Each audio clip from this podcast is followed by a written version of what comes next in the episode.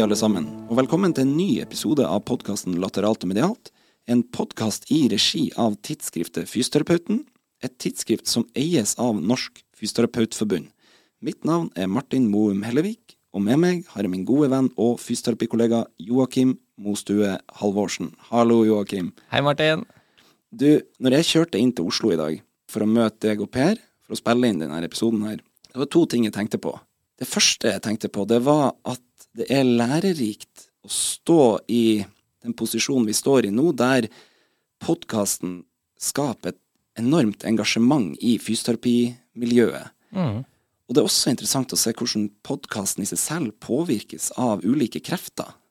Mm. Og det jeg tenkte kanskje mest på, er at det er fint å stå sammen i det.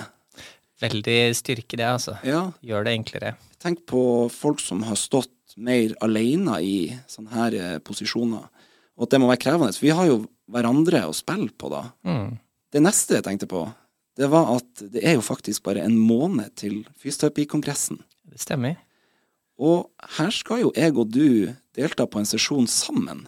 Mm. Du skal jo ha en del sesjoner på egen hånd, har for så vidt et par andre. men det er én sesjon der jeg og du skal delta sammen. Og det er en sesjon som handler om temaet gråsonefysioterapi. Mm. Vi skal jo både ha en prestasjon der, og så er det en eh, sånn paneldebatt etterpå. Så det gleder vi oss veldig til. Ja. Um, og det her er jo noe vi kommer til å forberede oss til, og vi håper jo så mange som mulig får med seg denne sesjonen. Men i dag, Joakim, så skal vi snakke om et tema som vi finner veldig interessant. Ehm, Da spesielt fordi forståelsen av dette temaet her har endra seg ganske mye over tid. Dette er noe vi for øvrig lærte relativt mye om på bachelorutdanninga, nemlig temaet kjernemuskulatur. Skriver man kjernemuskulatur i Googles søkemotor og trykker enter, så dukker det opp en oppsiktsvekkende miks av aktører som velvillig del av sin kunnskap. Man blir servert grunnleggende anatomi av kjernemuskulaturen fra Meny, ja, matbutikken, mens essensielle core-øvelser beskrives av Tine, ja, melkeprodusenten. Like bak kommer KK flygende inn med informasjon om at kjernemuskulaturen er ekstremt viktig for god kroppsholdning. Før Finansavisa tar over stafettpinnen og presiserer at du ikke får sterk kjernemuskulatur av å ta hundrevis av situps hver dag. Og den som kommer nå, den er fin. Ifølge treningsforum.no så skal kjernemuskulaturen kunne forhindre både svai og krum i korsryggen. Ja. Som om det skulle vært et stort eh, folkehelseproblem. Ja, veldig. Og en av landets største treningskjeder peis på med at mange ryggsmerter er faktisk forårsaket av svak kjernemuskulatur. Og dersom man så begår den store tabben med å først skrive kjernemuskulatur etterfulgt av ordet smerter i Google, så er man virkelig i gang. Her tar Google fram sitatmaskineriet for full kraft. Hør her. Mangler man stabilitet i kjernemuskulaturen, blir det som om ryggen din får mini-whiplash-skader når du beveger deg eller løfter en arm. Forteller en terapeut. Mens en treningsekspert maner til sterkere kjernemuskulatur, for da kan du nemlig bevege deg med stabil korsrygg. Ja ja, Joakim, hva skal vi si? Ja, det er jo definitivt en jungel med informasjon her. For så vidt litt av varierende kvalitet, vil jeg si. Ja. Men vi kan jo sitte her og le av de her aktørene som mener mye om dette temaet. Men lignende utsagn finner vi jo også i den mer forskningsbaserte litteraturen som preger både pensumlisten vår og, eh, på bachelorutdanninga og mye annen faglitteratur innenfor feltet vårt. Men de her utsagnene er da bakt inn i en mer omstendelig formulering. Først ut her er Kisner og Kolby sin bauta av en bok, Therapeutic Exercise, femte versjon. Og her kommer sitatet. Once the patient learns to activate the core muscles, emphasis is placed on sustaining contraction over a period of time and on increasing the repetitions of the static hold to reinforce postural function. Ok, så tanken her er det at ved innlæring av viljestyrt aktivering av kjernemuskulaturen, og da gjennom økt holdetid og økt antall repetisjoner, så skal man altså få en bedret postural funksjon. Og dette er jo typisk de klassiske øvelsene i ryggleie, der man skal oppnå en sånn isolert aktivering av eh, transversus abdominis gjennom å trekke magen mikroskopisk inn, eller ved å aktivere de dype nakkefleksorene ved å lage verdens minste dobbelthake. Ja, det stemmer. Vi sveip så videre til Shirley Sarman si bok Movement Impairment Syndrome fra 2011. Her sier hun instructing the patient to focus on maintaining stability of the spine, ribcage, and pelvis during extremity movements is a useful strategy aimed at improving motor control. Mm, så, så, her tar de altså treningen et lite skritt videre, for i tillegg til å holde kolumna og bekkenet stabilt, altså introduseres også bevegelser av ekstremitetene. Mm. Og igjen så starter pasienten ofte i liggende, og etter hvert som terapeuten tolker pasientens stabilitet til å bedre, så progrederes øvelsene, ofte da til sittende eller firestående, eh, og gjerne også på ustabilt underlag. Eh, vi kommer jo litt tilbake til disse øvelsene etter hvert, så da får vi se. Det blir spennende. Ja. Siste eksempel kommer fra Donald Neumann, si Kinesiology of the Musculoskeletal System, andre utgave. Once the subject has learned to selectively activate deeper stabilizers of the trunk, the next step is to maintain the activation during activities of daily living or other abdominal exercises. Ja, så her tenker de altså at pasienter som først har lært det å selektivt aktivere kjernemuskulaturen, så skal gå rundt og aktivt holde denne nyervervede stabiliteten mens de gjør sine daglige aktiviteter. Eh, og Enkelt sagt så er jo tanken at en sånn viljestyrt stabilisering skal kunne kompensere da, for denne manglende spontane stabiliseringen som man tenker at disse har. Vel, vi skal vel se litt på den teorien her også etter hvert, Martin. Denne teorien skal under lupen. Ja. En eh, veldig fascinerende ting ved begrepet kjernemuskulatur er at det her er noe de fleste, alle, har kjennskap til, samtidig som det er svært vanskelig, om i det hele tatt mulig, å forklare hva det egentlig er. Mm. Og det er liten grad av enighet om detaljene her, men blant annet transversus abdominus og multifidus-muskulaturen trekkes ofte frem som de viktigste aktørene her. Mm. Og med bakgrunn i at det er grunnleggende usikkerhet omkring hva dette egentlig er, og hva det egentlig har å si, så er det også interessant å tenke på hvorfor dette med trening av kjernemuskulatur tok så fryktelig av omkring slutten av 1990-tallet. Ja, og det her er jo naturligvis et vanskelig spørsmål å svare på, men i podkasten Empowered Beyond Pain så blir den anerkjente muskel-skjelett-fysioterapeuten og forskeren Peter O'Sullivan spurt om akkurat det her. Og det er viktig her å nevne at O'Sullivan er blant dem i dag som uttaler seg klart mest kritisk, i hvert fall offentlig sett, til det å benytte trening av kjernemuskulatur for å bedre korsryggsmerter. Mm. Og det interessante er jo at hans egne studier, altså studiene til Peter O'Sullivan, gjort på slutten av 1990-tallet, faktisk er blant de mest siterte når man skal støtte argumentene for hvordan man bør trene kjernemuskulatur for å bedre korsryggsmerter. Så denne fyren her har gjort en rimelig klar faglig usving. Ja, definitivt. Det må jo være litt irriterende når man har gjort en sånn slik endring i faglig mening, og så blir dine egne studier brukt mot deg sånn i argumentasjonen. Men tilbake til hans betraktning til hvorfor kjernemuskulaturtrening tok så vanvittig av. Han mener at dette konseptet touch inn mot noe grunnleggende i det vi mennesker anser som ønskelig i forhold til hvordan kroppen skal se ut, da ut fra et estetisk perspektiv, eller hva som er sosialt fordelaktig, det at man skal gå rundt med en inntrukket, flat mage, brystkassa frem og skuldrene ned, ikke med en avslappa mage som henger ut og med en lunken kroppsholdning, og Sølve nevner videre at denne tanken er så innfletta i samfunnet at vi ser det overalt. Han fremhever videre at treningsbransjen ble veldig hekta på akkurat det her, og da spesielt pilatesindustrien. Mm. Og når det da kom eh, vitenskapelige studier på 1990-tallet som man tolka som bevis for sammenhengen mellom svak kjernemuskulatur og smerte, så oppsto en slags smeltedigel der man blanda kjernemuskulatur, kroppsholdning og smerte, og da tok det rett og slett av. Mm. Og den studien som var mest utslagsgivende her, det var studien fra Paul Hodges og Caroline Richardson fra 1996.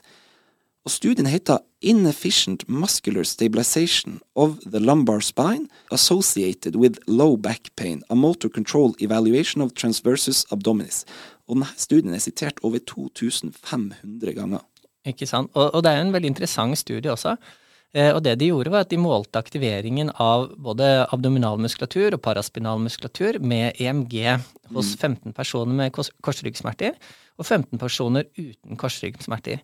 Eh, og disse målingene tok de da når eh, deltakerne her skulle gjøre raske, aktive bevegelser av overekstremitetene i tre ulike retninger.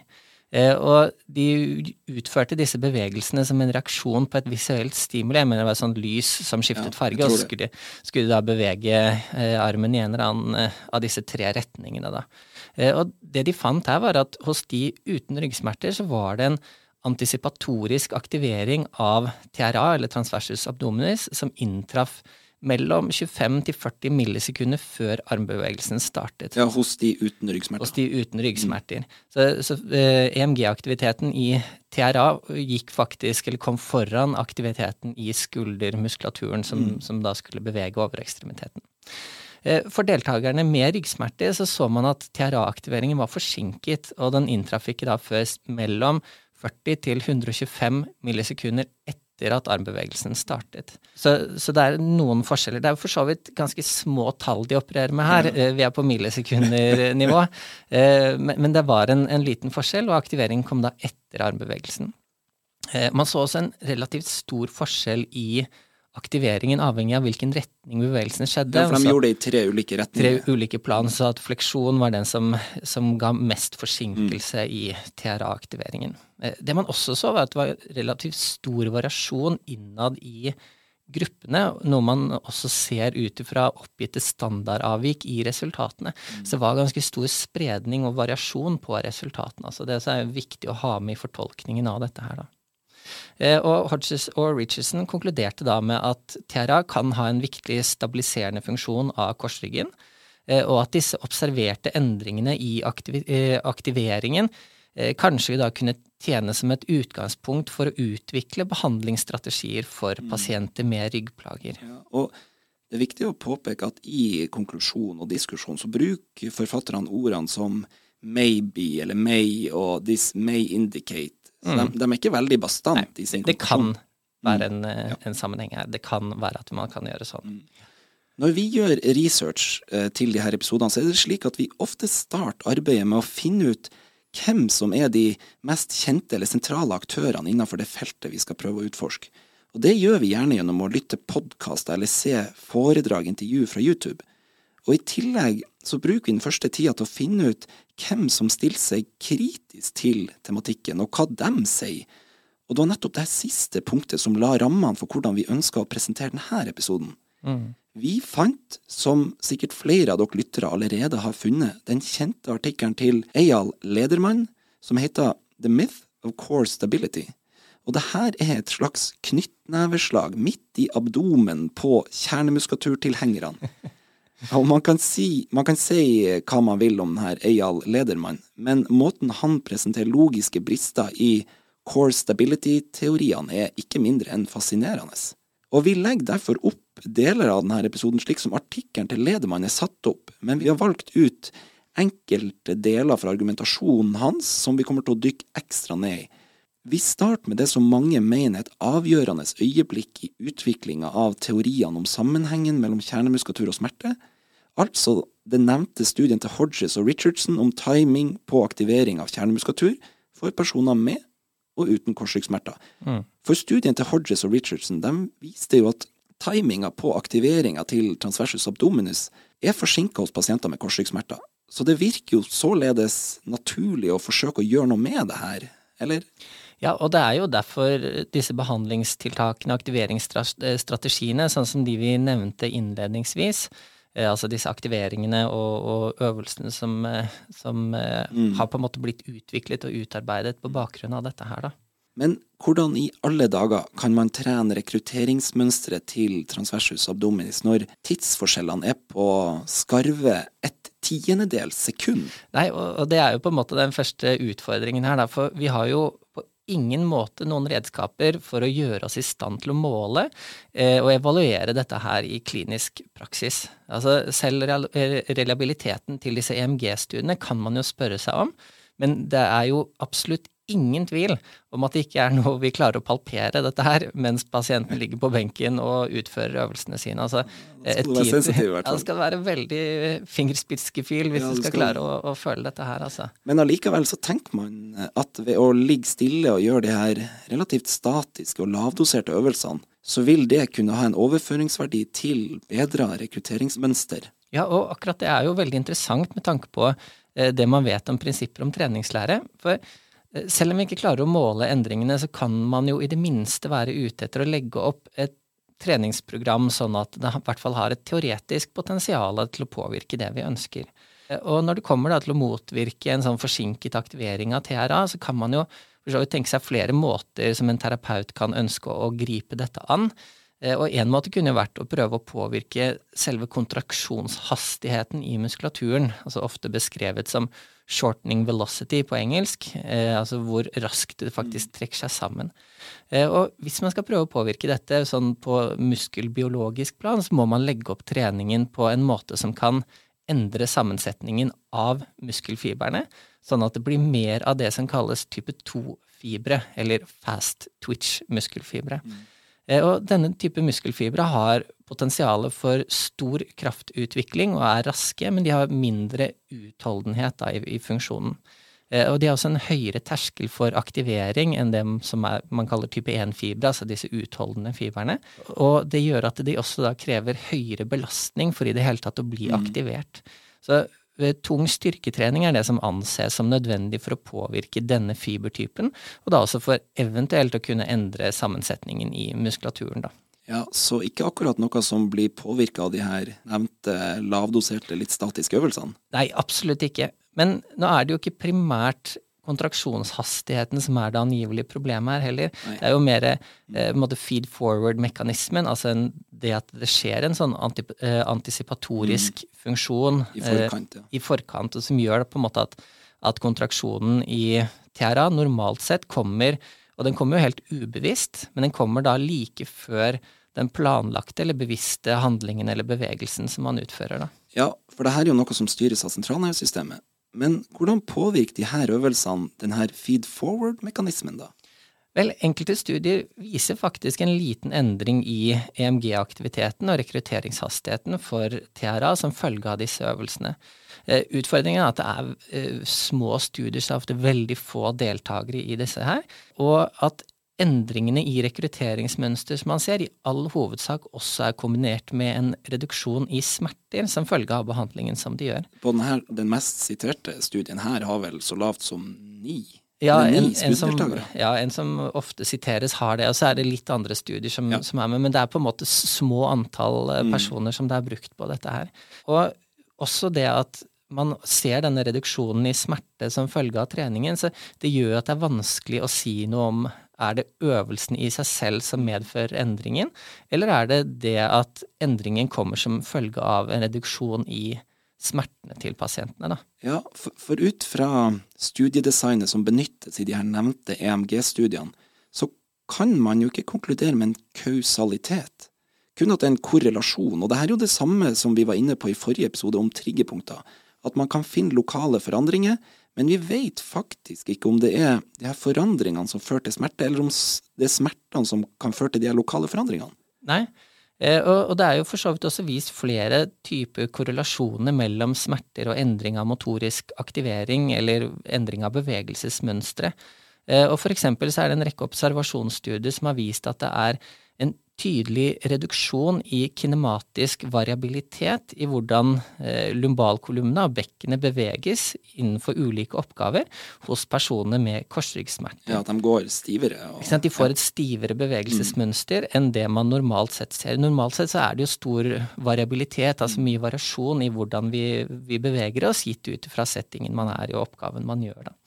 Eh, og blant annet så utførte Van den Horn og kollegaer en studie i 2015 der de eksperimentelt påførte 16 stakkars frivillige studenter eh, smerter enten i rygg eller i leggen, ved å injisere isoton saltvann inn i muskulaturen deres. Sikkert Studenter i pengenød. Ja, studenter i pengenød som melder seg på sånne her ting, dessverre.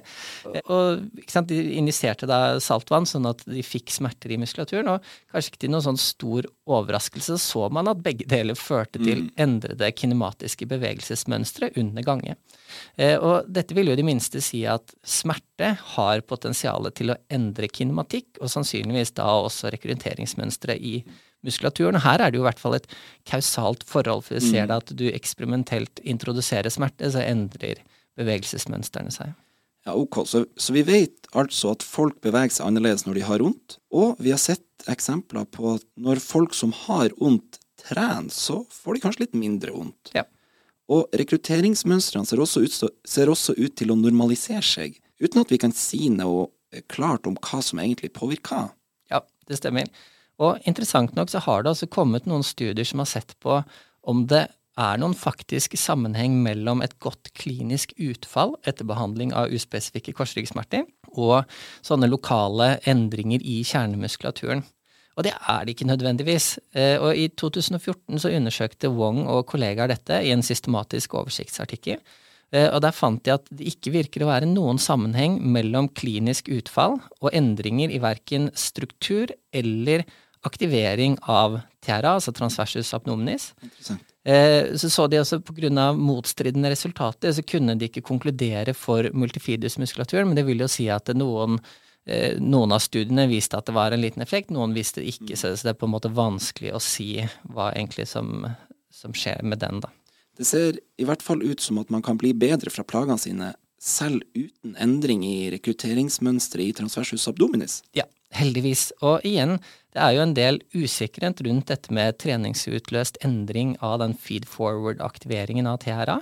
Eh, og igjen, i en klinisk setting så er det jo komplett umulig å vurdere dette her. Eh, så da kommer vi over til den siste foreslåtte løsningen sånn fra, fra, de eksemplene vi så på innledningsvis eh, for problemet her. Det at man skal gå rundt og kontinuerlig holde kjernemuskulaturen aktivert eh, under disse daglige aktivitetene man gjør, for å kompensere for en sånn manglende spontan stabilisering. Og her innfører man jo faktisk et abnormalt bevegelsesmønster ja. under den antagelsen om at disse millisekundene i forsinket aktivering skulle ha en sånn direkte og ubestridt sammenheng med ryggsmerter. Eh, og det er det jo eh, absolutt ikke, med tanke på hva vi har snakket om til nå. Mm. Eh, og sånn som jeg nevnte tidligere, så viser jo pasienter med ryggplager redusert variabilitet sånn i utgangspunktet av disse bevegelsesmønstrene, sammenlignet med asymptomatiske. Ja, de går stivt, ikke sant? Ikke sant? De får et sånn rigid og stivt eh, bevegelsesmønster. Og dermed så virker det jo veldig lite sånn intuitivt å forsterke dette rigide eller stive mønsteret gjennom den behandlingen ja, ved å si at de skal Gå enda litt stivere. Her virker det i hvert fall som at svært mange teorier og behandlingstilnærminger har hatt utspring fra de her tidlige observasjonsstudiene med EMG-måling, uten at det noensinne har blitt bekreftet at det faktisk foreligger et kausalt forhold mellom rekrutteringsmønsteret i transversus abdominus og korsryggsplager. Mm. Eh, vi var jo innom noe lignende i episoden om replikasjonskrisen, og snakka da om hvordan store studier kan springe ut fra resultater som kan være feil, eller resultater som tolkes på feil måte. Mm. Og i dette tilfellet så er det kanskje ikke resultatene som er feil, men hvordan de blir fortolka. Interessant nok så, treng, så, trekker Paul Hodges selv, altså han ene forfatteren av denne primærkilda, mm. han trekker selv fram det her utfordringa i et motsvar til en kritikk som kom mot kjernemuskulatur og betydninga av rekrutteringsmønsteret i transversus abdominis i utviklinga av korsryggsmerter. Dette er sitatet fra motsvaret til Hodges. It is not the data that is questioned, it is the interpretation. It seems that we have the recurrence of the issue of the six blind men and the elephant, where we see the same animal but from different perspectives, and thus draw different conclusions. Mm, ikke sant. Det er ikke resultatene i seg selv man stiller spørsmålstegnet ved. Eh, for med mindre det hadde vært noen sånne store utfordringer knyttet til dette med reliabiliteten på EMG-målingene, så kan man i hvert fall anta at, mm. at resultatene sannsynligvis stemmer. Men det man kan stille spørsmålstegn med, er jo validiteten eller gyldigheten mm. på eh, hvordan resultatene har blitt fortolket, og betydningen av dette her inn mot behandlingen av pasienter med ryggplager. da. Videre i sin hardtslående kritikk av core stability, så rett Eyal Ledermann søkelyset mot styrke i kjernemuskulaturen, og noe overraskende så bruker han her svangerskap og sammenhengen mellom bekken- og korsryggsmerter som et drivende eksempel i sitt argument. Mm. Og han trekker frem her en finurlig studie gjort av Caroline Bastian og kollega fra Nederland i 2006. Og det som er så kult med denne studien, er at den er ikke mest kjent for det som var den opprinnelige hensikten bak studien, altså å utforske hvordan en biopsykososial intervensjon kunne påvirke smertene hos kvinner med svangerskapsrelaterte bekken- og korsryggsmerter. I stedet så er studien mest kjent for noe uforutsett som oppsto underveis, nemlig at av de 829 smerteplaga gravide kvinnene som ble rekruttert til studien, så måtte de ekskludere over 650 av de her fordi de ble spontant smertefri innen to uker etter fødselen. Mm. Altså 80% av de inkluderte kvinnene ble smertefri innen to uker etter fødselen. Det må jo være tidenes største dropout i en, eh, en studie. Ja, i hvert fall høyt der oppe. ja. Eh, Og grunnen til at dette er en studie man kan diskutere i lys av temaet kjernemuskulatur, er jo at kvinner som nettopp har født, eh, både funksjonelt og anatomisk sett, har en betydelig svekket abdominalmuskulatur. Eh, Og det tar gjerne i hvert fall fire til åtte uker før denne muskulaturen går tilbake til en, og, å, å få på en måte en tilnærmet normal funksjon. Eh, og hvordan kunne da disse 650 kvinnene bli smertefrie når abdominalmuskulaturen, og dermed core-muskulaturen, fortsatt er fullstendig ute å kjøre, hvis dette med kjernemuskulaturen faktisk er en, en primær og stor driver til ryggsmerter, da? Ja, denne sammenhengen mellom svangerskapsrelaterte smerter og kjernemuskulatur, det var vi nødt til å dykke dypere ned i. For innenfor dette feltet så finner vi arbeid gjort av en av de absolutt mest internasjonalt anerkjente norske fysioterapeutene og forskerne innenfor kvinnehelse, Kari Bø. Og helt siden Kari Bø tok sin ph.d. i 1990, så har hun vært hovedforfatter eller medforfatter på nærmere 300 fagfellevurderte publikasjoner, og har, ifølge British Medical Journal, holdt eller blitt invitert til å holde over 300 keynote-presentasjoner på internasjonale konferanser. Det er noen imponerende mennesker vi finner og snakker om i disse eh, episodene våre, Jeg altså. skjønner ikke, jeg skjønner ikke hvordan jeg får tid til å gjøre alt. De er jo helt rå. Ja, det er ekstremt. Hennes forskning har et bredt nedslagsfelt, der svangerskap og smerteproblematikk har vært ett av fokusområdene. Vi ønsker derfor å ta med to studier hvor hun har vært medforfatter, og hvor sammenhengen mellom svak abdominalmuskulatur og kjernemuskulatur og bekken-korsryggsmerter definitivt utfordres. I en studie fra 2016 publisert i British Journal of Sports Medicine så fulgte Kari Bø og forskere fra et norsk miljø kvinner gjennom graviditeten og opptil ett år etter fødselen. Hovedforfatteren bak denne studien det var da Jorunn Bakken Sperstad. De ønska å utforske forekomsten av diastasis recti abdomini, altså rektusdiastase, under graviditeten og etter fødselen, og blant annet vurdere forekomst av bekken-korsryggsmerter hos kvinner med og uten rektusdiastase, og de fulgte førstegangsfødende kvinner fra uke 21 i svangerskapet helt til tolv måneder etter fødsel. Og noe som jeg og du, Joakim, syntes var så kult med studien, var at de greide å følge hele 178 kvinner da fra uke 21 i svangerskapet og helt til tolv måneder etter fødselen. Mm. Og dette er noe som artikkelforfatterne i studien nevner er et stort utvalg, eller sample size, sammenligna med lignende studier. Mm. Og lang oppfølgingstid. Lang oppfølgingstid. Og et svært interessant funn i denne studien var at det var ikke noe forskjell mellom rapportering av bekken- og korsryggsmerter hos kvinner med og uten rektusdiastase ved tolv måneder oppfølging. Mm. Eh, Og en annen lignende studie utført av et portugisisk forskningsmiljø, der igjen Kari Bø står som medforfatter, eh, så fulgte de 84 annengangsfødende under graviditeten og fram til seks måneder etter fødsel. Eh, Og her konkluderte forfatterne, igjen litt i likhet med den artikkelen du nettopp nevnte, det at rektusdiastase is prevalent at six months postpartum, but it is not linked with lumbopelvic pain. Så, så denne sammenhengen mellom svekket abdominalmuskulatur, som man jo typisk får ved rektusdiastase, og korsryggsmerter ser faktisk ut til å være heller dårlig. Det er på en måte ikke noe, noe markant sammenheng der. Eh, og leser man de fem rådene fra NFFs faggruppe for kvinnehelse, som ble lansert i forbindelse med Kloke valg-kampanjen Det er jo en kampanje vi hadde episode om for to episoder siden. Ja, episode seks var om Kloke valg. Eh, så i NFF sin faggruppe for eh, kvinnehelse så har de da råd nummer fem lyder som følgende, og det er unngå å si til kvinner med mild eller moderat rektusdiastase at dette kan være årsakene til deres smerter i bekkenledd og eller korsrygg. Eh, og igjen Begrunnelsen for denne påstanden er da ifølge faggruppen at studier viser enten ingen eller kun en svak assosiasjon mellom rektusdiastase og smerter i bekkenkorsrygg. Men man finner også interessante funn som taler for sammenhengen mellom svak muskulatur og korsryggsmerter. Og det her kommer deriblant fra studier gjort hos astronautene fra NASA. Mm. Data fra helsetilstanden til NASA-astronauter indikerer at over halvparten av de her astronautene rapporterer ryggsmerter i løpet av oppdraget deres i vektløs tilstand, og at denne smerten da har en varighet som varierer fra en femtedel til hele oppdragets lengde.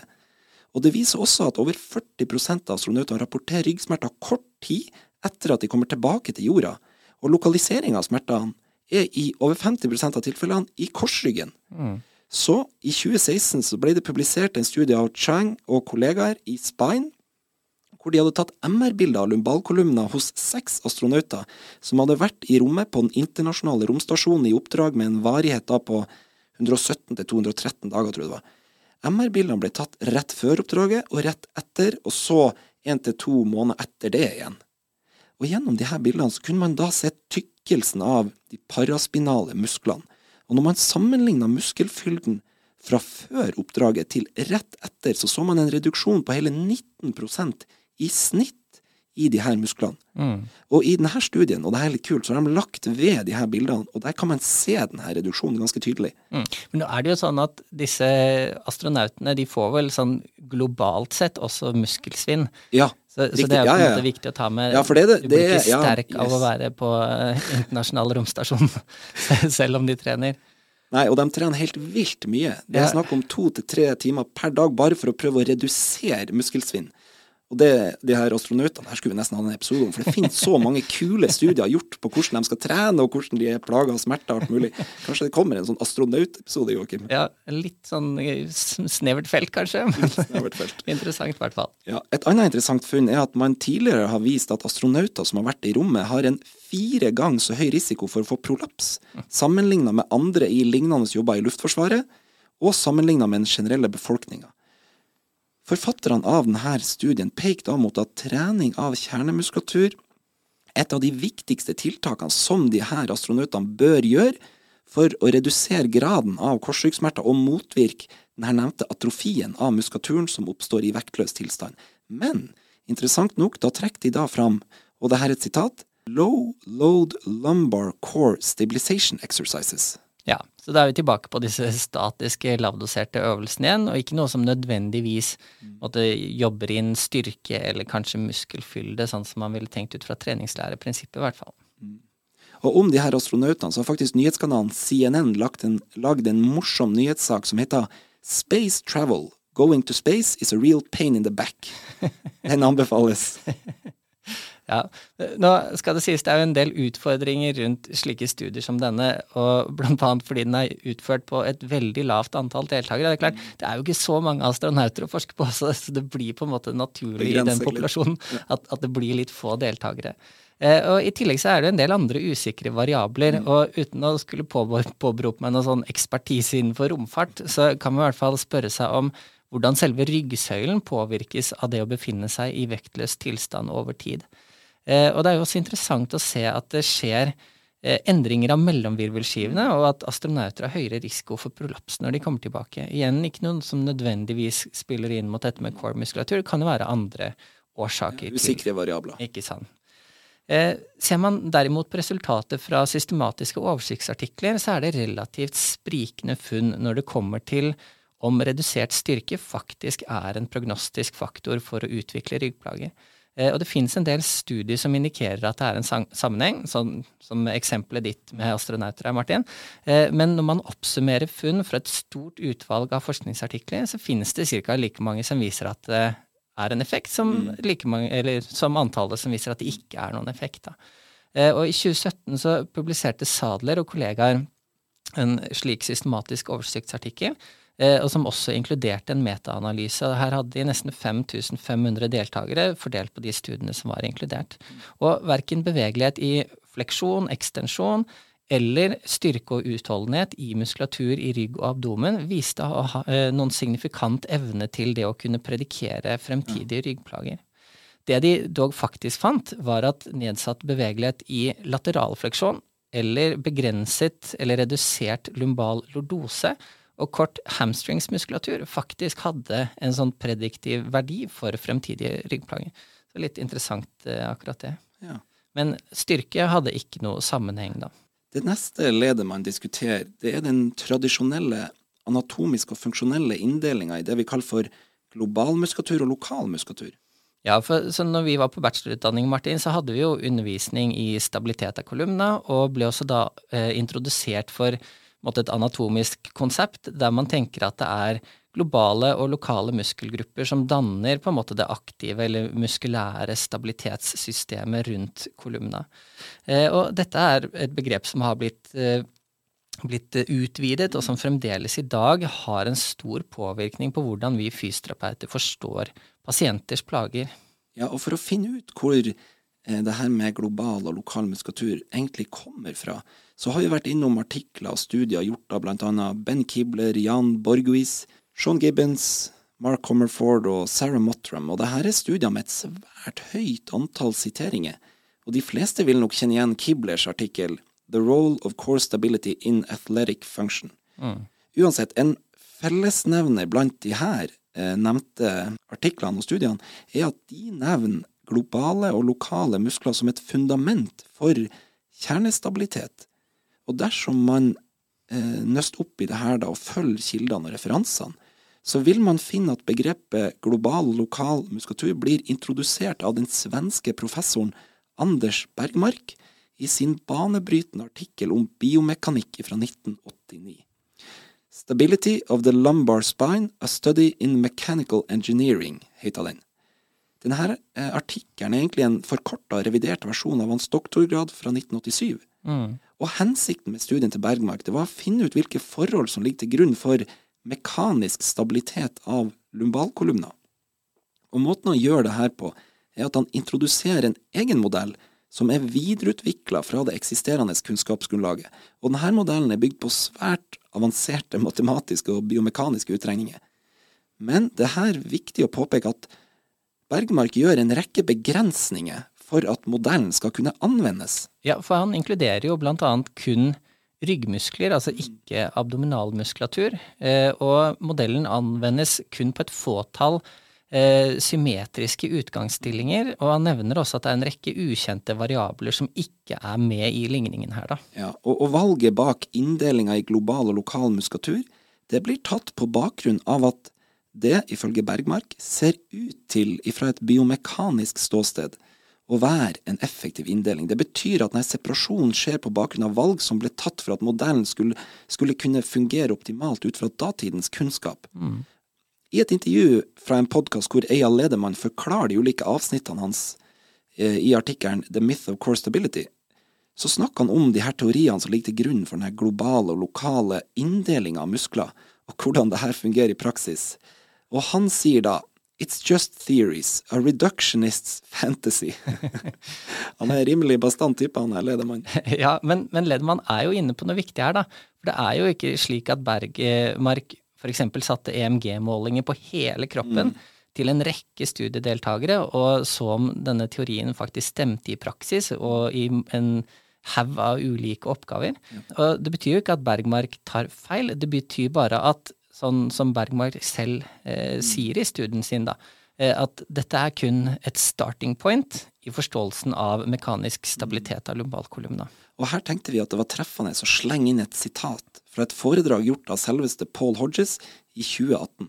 I dette sitatet så snakker han om prinsipper for motorisk kontroll og core stability, og han forteller The second principle is that all muscles contribute to control of movement and stiffness of the spine, so there is no particular muscle that is most important. You need to involve this entire multi-layer system of muscles to be able to provide you with the optimum needs to balance movement and stiffness.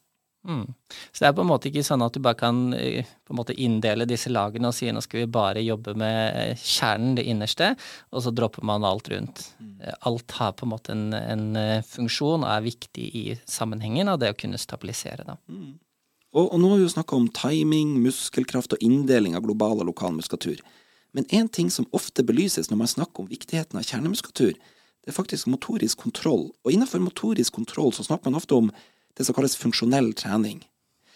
Her er det mange ulike definisjoner ute og går, men, men, da snakker vi om øvelser som utføres så lik den oppgaven man ønsker å forbedre, og så nært den konteksten oppgaven skal utføres i, i dagliglivet. Mm. Det er altså en mening med øvelsen, og målet er at den skal gi bedre funksjon også utafor selve treningssituasjonen. Og, og således så kan man jo argumentere for at verken øvelser der man utfører isolerte kontraksjoner i ryggleie, eller når man eh, ligger hengt opp i slynger og beveger på ting, er spesielt funksjonelle. For de har jo ingenting med funksjoner som pasienten gjerne ønsker å forbedre. Eh, og utfordringen her er at man eh, gjerne har trodd at ferdigheter som trenes inn i én setting, vil ha en overføringsverdi til andre situasjoner. Men dessverre så er det ikke slik, og prinsippet om spesifisitet virker å være sterkere, eller kanskje viktigere, enn prinsippet om overførbarhet i treningene. Ja, så det virker jo litt rart uh, å tenke at øvelser hvor vi f.eks. ligger og kaver på gulvet, skal gjøre at vi får et mer funksjonelt bevegelsesmønster i stående. Ja, og gjør du øvelser i liggende, så er det ingen tvil om at du blir bedre på å gjøre akkurat den bevegelsen i liggende, men det er ingen garanti for at det vil gi noe særlig mer nytteverdi enn akkurat dette. Du blir altså god på det du trener på, eh, og derfor er det jo også viktig å trene på det du faktisk ønsker å bli god på. Da. Mm. Eh, og dette er jo bakgrunnen for det som kalles oppgavespesifikk trening. Eh, og Ledemann har en veldig god illustrasjon på dette her i artikkelen sin, ja, faktisk. I figur tre, for de som, eh, som, eh, sitter med den tilgjengelig og tenker at de skal slå på det. Men figuren her tar for seg et eksempel på det å skulle bli bedre å gå, og hvordan man legger opp treningen. Og hvis man da ligger på gulvet og aktiverer kjernemuskulaturen, så er jo dette en øvelse som både funksjonelt er ulikt oppgaven man ønsker å bedre, og i tillegg så foregår treningen ute av kontekst. Altså en treningsform som vi ikke vil forvente å ha noen verdi for å bedre gangfunksjonen. Eh, hvis man ligger på gulvet og beveger beina i et sånt ganglignende mønster, så er jo i hvert fall oppgaven lignende det man ønsker å oppnå, men den utføres fortsatt helt ute av kontekst. Litt bedre enn forrige eksempel, men allikevel ikke noe vi vil anta gir noe stor forbedring på gangfunksjonen. Mm. Hvis man heller da eh, utfører disse kjernemuskulaturaktiveringene i gående, så er jo aktiveringen i utgangspunktet ulikt den man normalt gjør, men det utføres i hvert fall i konteksten, det å gå. Mm. Eh, og her vil man forvente at treningen vil kunne påvirke gangfunksjon. Eh, men skal man bli best mulig til å gå, så bør man jo bare gå enkelt og greit. Og treningen blir jo da eh, både funksjonelt lik, og den utføres i kontekst. Så bare gå normalt. Og Det er jo også viktig å tenke på at sentralnervesystemet aktiverer muskler ut fra hvilke oppgaver som skal gjøres, i hvilke omgivelser de her oppgavene blir gjennomført i, og ut fra individets forutsetninger. Ja, så aktiveringen som skjer av muskulatur for å stabilisere kroppen under én type aktivitet, f.eks. et kast, eh, er jo helt forskjellig fra den stabiliseringen som kreves ved andre aktiviteter, f.eks. hvis du løper eller klatrer eller gjør andre typer ting. Eh, og sånn sett så virker det, eh, virker det litt sånn simplistisk å tenke at ved å trene inn TRA-aktiveringen i et par ulike utgangsstillinger, så kan vi bare erstatte denne ekstremt komplekse koordineringen som sentralnervesystemet gjør, og som annet tar høyde for både oppgaven som skal utføres, hvilke omgivelser det utføres i, eh, eh, energiøkonomisering av bevegelsene, eh, individets forutsetninger og sannsynligvis også da individets begrensninger, sånn som smerte eller nedsatt funksjon av ulike årsaker. Når det kommer til motorisk kontroll, så er det også interessant å diskutere litt hvordan vi bør veilede pasienter. Og nå vil jeg faktisk gjenta sitatet fra Shirley Sarman, som vi tok med helt i begynnelsen av denne episoden. Instructing the patient to focus on maintaining stability of the spine, rib cage, and pelvis during extremity movement is a useful strategy aimed at improving motor control. Ja, så Her sier jo Sarman at dersom pasienten har et indre fokus på sine kroppslige bevegelser, så er det en gunstig strategi for å bedre motorisk kontroll, eller forbedre motorisk kontroll. Ja, Men når, når det kommer til om man bør bruke ytre eller indre fokus, så er evidensen ganske så klar. Et ytre fokus på selve oppgaven eller deler av oppgaven er overveiende bedre enn et indre fokus på ens kroppslige bevegelser. For å støtte opp under denne påstanden her, så må jo jeg bringe frem arbeidet til den anerkjente professoren Gabrielle Wulf. Hun er en av de fremste innenfor forskning der man har prøvd å kartlegge effekten av et internt eller eksternt fokus når man skal forbedre eller lære motoriske ferdigheter.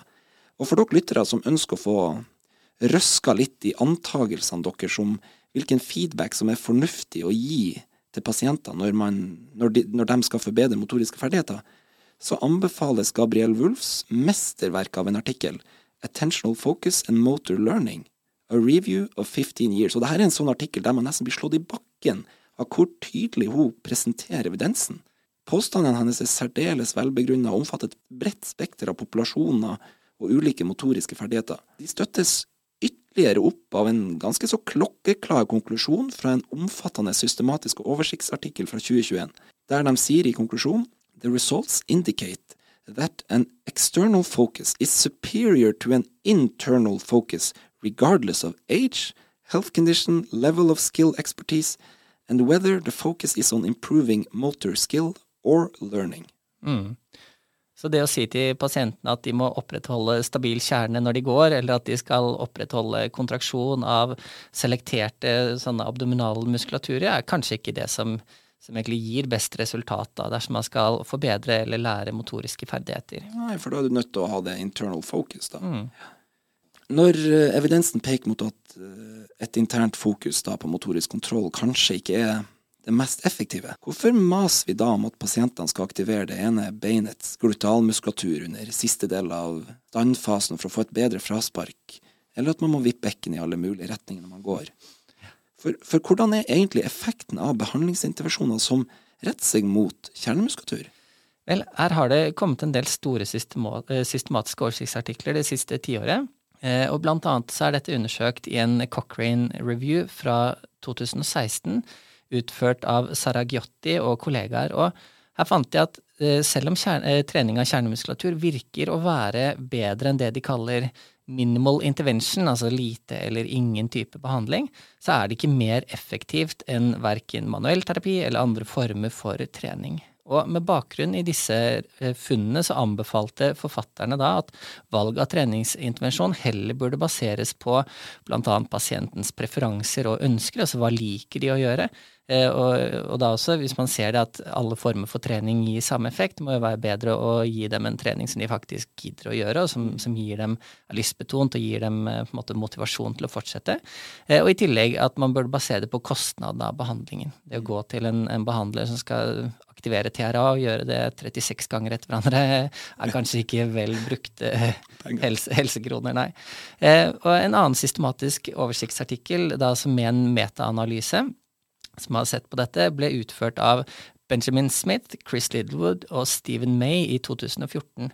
Eh, og her eh, så tok de da, basert på 29 inkluderte studier, så hadde de godt over 2000 deltakere, eh, og fant igjen at trening av kjernemuskulatur og stabilitet bedre i korsryggplager, men ikke i større grad enn noen annen form for trening. Og I tillegg så fant de her også en trend mot mer fear avoidance hos deltakerne som hadde trent stabiliseringsøvelser. Og Konklusjonen til denne studien er nesten eh, sånn imponerende selvsikker, noe man sjelden ser innenfor forskning. Og De konkluderer med at bruk av stabiliserende øvelser for korsryggsmerter til fordel for annen type trening kan ikke anbefales, og videre forskning på området vil sannsynligvis ikke føre til noen marka markant endring av denne konklusjonen. Oi, oi, oi. Den her er ganske bastant, ja. Ja, den er det, altså. Eh, etter å ha lest en del forskningsartikler opp igjennom, så skulle man jo tro at frasen 'mer forskning trengs på området' er på mange måter obligatorisk. Ja, det, alle skriver det. Alle skriver det. Men det virker som at Smith og kollegaene ikke var til stede akkurat denne dagen da det her ble eh, gjennomgått på forskerskolen. Men det er jo viktig å påpeke at de begrunner hvorfor de er så tøffe i konklusjonen. Det er for at kvaliteten på de inkluderte studiene er så høy, mm. og det er så stor grad, grad av heterogenitet blant de ulike studiene, at man kan være veldig selvsikker på at det her er en riktig konklusjon. Mm, helt klart. Så det, det er velbegrunnet, men, men allikevel også måte markant eh, å se, eller litt sånn overraskende Mm. Ja, å se en så absolutt. bastant eh, konklusjon. Jeg er litt usikker på hvilke andre områder jeg faktisk har sett en så Mm. måte, bastant eh, konklusjon på tidligere. Det er mulig at det finnes noe lignende innenfor studiene, sånn enten om artroskopisk behandling for Mm. degenerative meniskskader, eller det med bruk av bildediagnostikk for korsryggplager, sånn som vi snakket om i episode seks, den som var om kloke valg. Ehm, så, så noen av de studiene her har vi også sett at det er veldig, veldig sterk evidens for konklusjonen deres. Da. Eh, men dette er jo i det minste området hvor det er gjort et stort arbeid for å endre praksis. Altså man går bort fra disse artroskopiske behandlingene av degenerativ meniskskade. Man går bort ifra det å ta, bruke bildediagnostikk på ukompliserte og uspesifikke korsryggplager. Vet du hva, jeg tror vi stopper der. Nå avslutter vi med evidens knytta til effekten av denne type treninger. Mm. Det har vært kjempegøy. Vi ønsker å gi en stor, stor, stor takk til alle lyttere.